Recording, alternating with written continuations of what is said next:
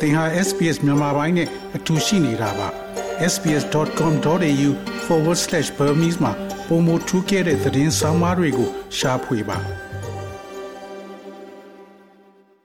ယခုတင်ဆက်ပေးမှာကတော့ဇူလိုင်လ9ရက်တောက်ကြနေ့အတွက် SPS News Flash သတင်းတွေဖြစ်ပါတယ်ကျွန်တော်က Terror အောင်ပါ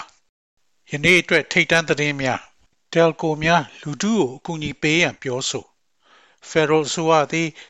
Telecom Company များသည် ဖောက်သည်များအား အလုပ် ပညာရေးနှင့် အခြားသော အရေးကြီးသော ဝန်ဆောင်မှုများသို့ လက်လန်းမီစေရန် ငွေကြေးအခက်အခဲရှိသော ဖောက်သည်များအား အကူအညီများ ပေးဆောင်ရမယ်လို့ တောင်းဆိုထားပါသည်။ယင်းက စွမ်းအင်ကုမ္ပဏီများကဲ့သို့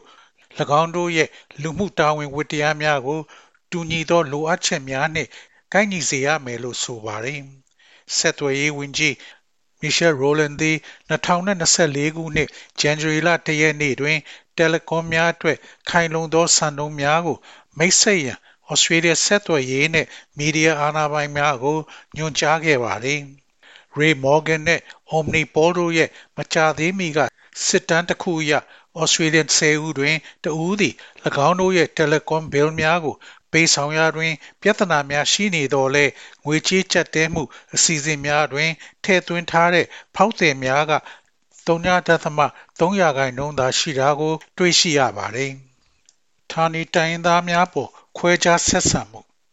လုပ်ငန်းခွင်အတွင်းခွဲခြားဆက်ဆံခံရမှုနှုန်းတုံလုံးခြောက်ခြားဖွယ်ရာနှုန်းသားများကို သူသေသနာပြုချက်အရသိရှိရပြီးနောက် ထင်ရှားသော Aboriginal အထက်လွှတ်တော်အမတ်တဦးက နိုင်ငံကိုခိုင်ခိုင်မာမာရပ်တည်ဖို့ တိုက်တွန်းခဲ့ပါတယ်။ဂျာသာပတိနေ့တွင် ထုတ်ပြန်ခဲ့သော Diversity Council Australia မှနောက်ဆုံးရရှိသော အချက်အလက်များအရ Aboriginal နှင့် Torres Strait Islander ဝန်ထမ်းများရဲ့59ရာခိုင်နှုန်းသည်ယခုနှစ်အတွင်းလုပ်ငန်းခွင်တွင်ခွဲခြားဆက်ဆံခြင်းသို့မဟုတ်နှောက်ယှက်မှုများကြုံတွေ့နေရတယ်လို့ဆိုပါတယ်။၎ င်းသည်2021ခုနှစ်တွင် ပြီးစီးခဲ့သော အလုတ်စစ်တမ်းတွင် နောက်ဆုံးပါဝင်မှုနောက်ပိုင်းမှာ9ရာခိုင်နှုန်းတိုးလာခြင်းဖြစ်ပါတယ်။ဌာနေဩစတြေးလျလက်ထောက်ဌာနေဝန်ကြီး Melandri McCarthy က ABC သတင်းဌာနကို ပြောဆိုရာတွင်ဩစတြေးလျလူမျိုးများခိုင်ခိုင်မာမာရပ်တည်ဖို့လိုအပ်ကြောင်းပြောဆိုသွားပါတယ်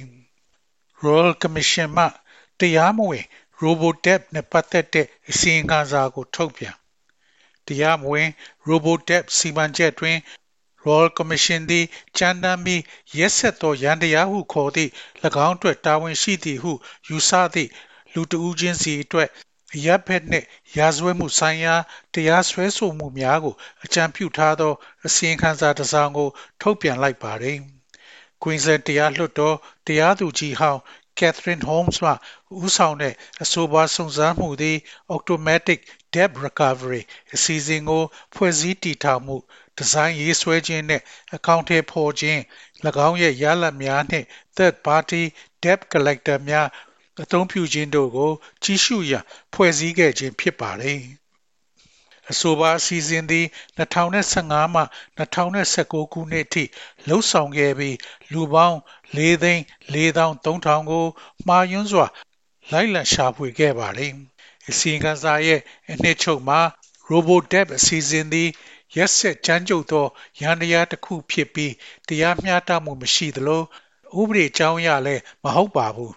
အနှစ်ချုပ်အားဖြင့်ငွေကြွေးတင်နိုင်သည့် ပူပန်းတော့ကရောက်နေတဲ့လူများစိတ်ထိခိုက်ဒဏ်ရာရသွားခြင်းဖြစ်တယ်လို့ပြောဆိုပါတယ်။ကော်မရှင်သည်တက်တီ115ဦးဖြင့်303နာရီကြာကြားနာစစ်ဆေးခဲ့ပြီး Commonwealth ကထုတ်သောစာရွက်စာတမ်း9သိန်း9800ကိုစစ်ဆေးပြီးနောက်တွေးရှိချက်တွေထွက်ပေါ်လာခြင်းဖြစ်ပါတယ်။မြို့ကြီးများအားလုံးတွင်ငှားရမ်းကများဆက်လက်မြင့်တက်လျက်ရှိ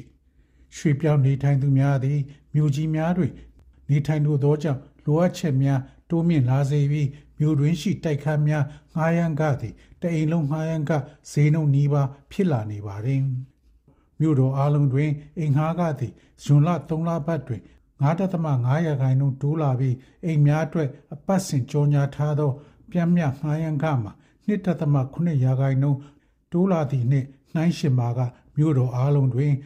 ငှားရမ်းကများမြင့်တက်လျက်ရှိပါသည်။ အင်ချမ်မီကမ္ပဏီဒိုမိန်းမှဂျွန်လ3လပတ်စီရင်ခံစာတွင်စစ်နီတွင်တပတ်လျင်ဒေါ်လာ900ဖြင့်ငှားရမ်းကများတောင်းခံခဲ့ပြီးတိုက်ခတ်များအတွက်ဒေါ်လာ690ထက်တောင်းဆိုတာကိုတွေ့ရတယ်လို့ဆိုပါတယ်။ဒိုမိန်သူတေသနာနဲ့စီးပွားရေးဆိုင်ရာအကြီးအကဲနီကိုလာပါဝါက Brisbane နဲ့ Perth တို့တွင်အိမ်များနှင့်တိုက်ခတ်များကြားဈေးနှုန်းကွာဟချက်မှလည်းနီးကပ်လာနေတယ်လို့ပြောဆိုပါတယ်။ နေ့စဉ်သတင်းတို့များပုံမကြားသိရန် SPS Language Podcast ကိုတွားကြည့်ပါသို့မဟုတ်ဝင်ရောက်ကြည့်ရှုပါ